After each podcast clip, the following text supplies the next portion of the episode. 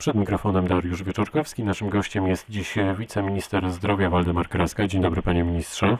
Dzień, dobry, witam serdecznie. Panie ministrze, czy nadal y, my możemy mówić w kontekście pandemii o scenariuszu gorszym od y, czarnego? Bo takie słowa budzą y, grozę, nie ukrywam. No i takich słów kilka tygodni temu użył minister Adam Niedzielski. E, panie redaktorze, na pewno ostatnie wyniki budzą jakąś e, nadzieję i, i można z niewielkim optymizmem patrzeć do przodu, ale no, niestety jak pokazuje nam historia, ta epidemia jest no, nieprzewidywalna, dlatego z pewną ostrożnością e, patrzymy na te codzienne ilości nowych zakażeń, na codzienne ilości pacjentów, którzy są przyjmowani do szpitali. No niestety patrzymy z niepokoją na te liczby pokazując ile osób niestety zmarło z powodu koronawirusa. Więc no, tutaj jeszcze na pewno przed nami jeszcze wielka, wielka walka. To tak, żebyśmy mogli sobie to e, zwizualizować. Gdy dziś rozmawiamy i tak zupełnie po ludzku szczerze, to jest źle, bardzo źle, tragicznie, czy może wręcz przeciwnie? Widzi Pan jednak jakieś e, światełko w tunelu? No światełko zawsze widzę, bo jest nadzieja, że niedługo się pojawią, pojawi się szczepionka, no ale do tego momentu, kiedy te szczepionki nie będzie fizycznie, kiedy ona nie będzie dostępna, na pewno te obostrzenia, te restrykcje, te nasze zalecenia powinny być e, wykonywane. No widzimy, że ta ilość dziennych zakażeń codziennie jest mniejsza.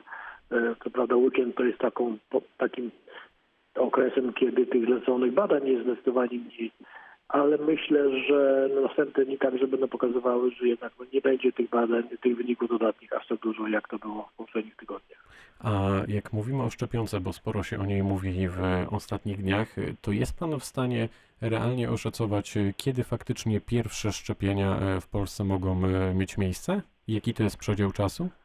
No wszyscy pytają o tą konkretną datę. No trudno w tej chwili powiedzieć. Ja musiałem, żeby ono było jak najszybciej, więc no, z zapewnień producentów y, widzimy, że to może być koniec grudnia, ale czy nie po drodze nie wypadnie jakieś nie, nie, nie, nie, nieprzewidziana prawda, okoliczności, to wtedy no, na pewno to się może wydłużyć. No, Ale to już jest jakiś konkret, czyli rozumiem, że koniec grudnia to jest faktycznie tego roku ta data, o której możemy z nadzieją to tak trochę myśleć.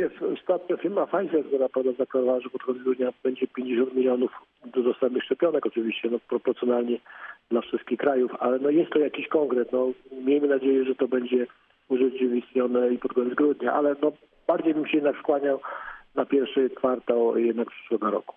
Jakich wyników e, spodziewacie się w ministerstwie w tym tygodniu, w tym najlepszym i najgorszym wypadku? No i dlaczego e, spada liczba przeprowadzonych testów?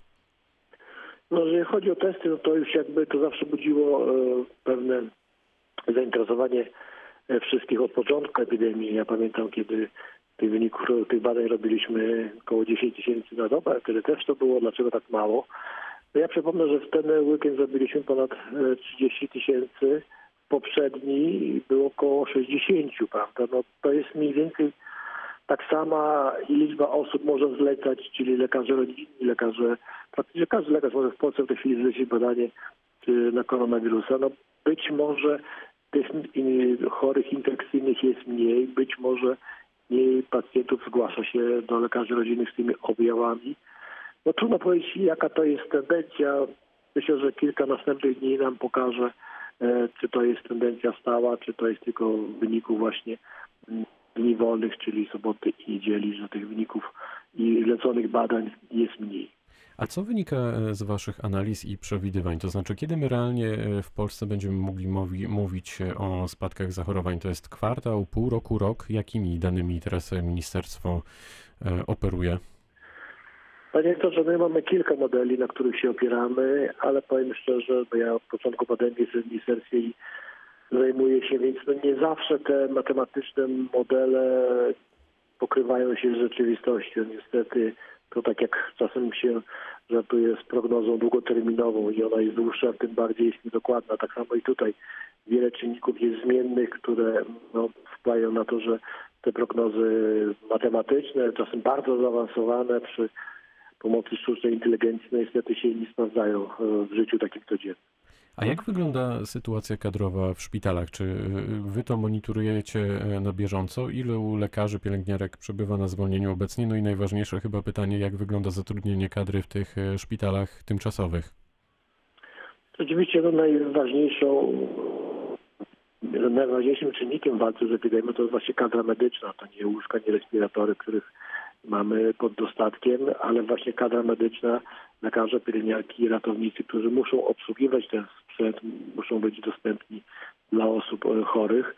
E, Dlatego także monitorujemy to ilość kadry medycznej i wiem, że wiele osób z personelu medycznego już przeszło koronawirus, wracają w tej chwili do pracy, mają już to e, jakby poza sobą, są uodpornieni, to także, te, także spowoduje pewien komfort dla, dla tych oddziałów, szczególnie przeznaczonych dla pacjentów zakażonych koronawirusem, więc myślę, że tutaj ta sytuacja może nie jest najgorsza, no ale na pewno ci pracownicy służby zdrowia, którzy nie przechorowali, a mają kontakt, no muszą w dalszym ciągu przestrzegać tych mm, procedur, które są narzucone, czyli środków ochrony osobistej i innych, które zaleca, zaleca sanepid, żeby no, nie ulec temu zakażeniu, bo jak się okazuje tak, że medycy y, dość ciężko przechodzą zakażenie koronawirusem, niezależnie w jakim wieku są, więc no, to też jest y, duże wyzwanie dla Polskiej Służby Zdrowia, aby jednak utrzymać y, personel medyczny w jak najlepszym zdrowiu. A skąd jak... wziąć kadry do szpitali tymczasowych? Panie redaktorze, znaczy tych szpitali tymczasowych, no będzie każdy szpital, w zakresie jeden szpital w województwie. Wiem, że w tej chwili e, jest prowadzony nabór już do tych szpitali w każdym, w każdym województwie. To są dla części lekarze, pielęgniarki czy ratownicy, którzy no chcą jeden, dwa, trzy dyżury w takim szpitalu e, przedyżurować oprócz tej swojej zasadniczej pracy, więc myślę, że e, oprócz tej kadry, która będzie ze szpitala patronackiego, jakby kierownicza, te osoby do pomocy w tym szpitalu na pewno się znajdą i wiem, że jest dość spory odzew i ci medycy się do tych szpitali tymczasowych zgłaszają.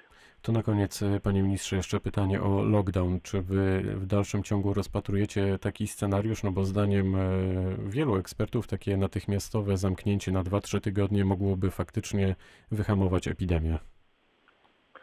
No na pewno lockdown jest złą rzeczą dla nas wszystkich, nie tylko dla e, obywateli, a także i dla gospodarki, więc staramy się innymi środkami zadziałać, aby ta ilość nowych zakażeń spadała.